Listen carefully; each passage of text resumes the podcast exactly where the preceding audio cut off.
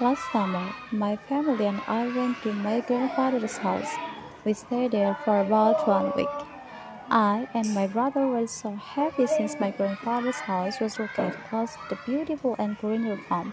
One day, I saw my grandfather went to the farm behind the house.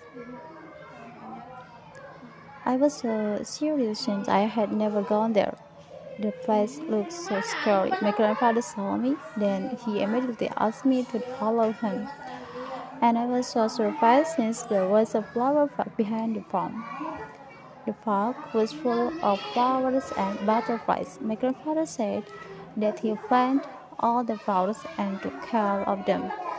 After that day, I spent my whole day enjoying the time in the park.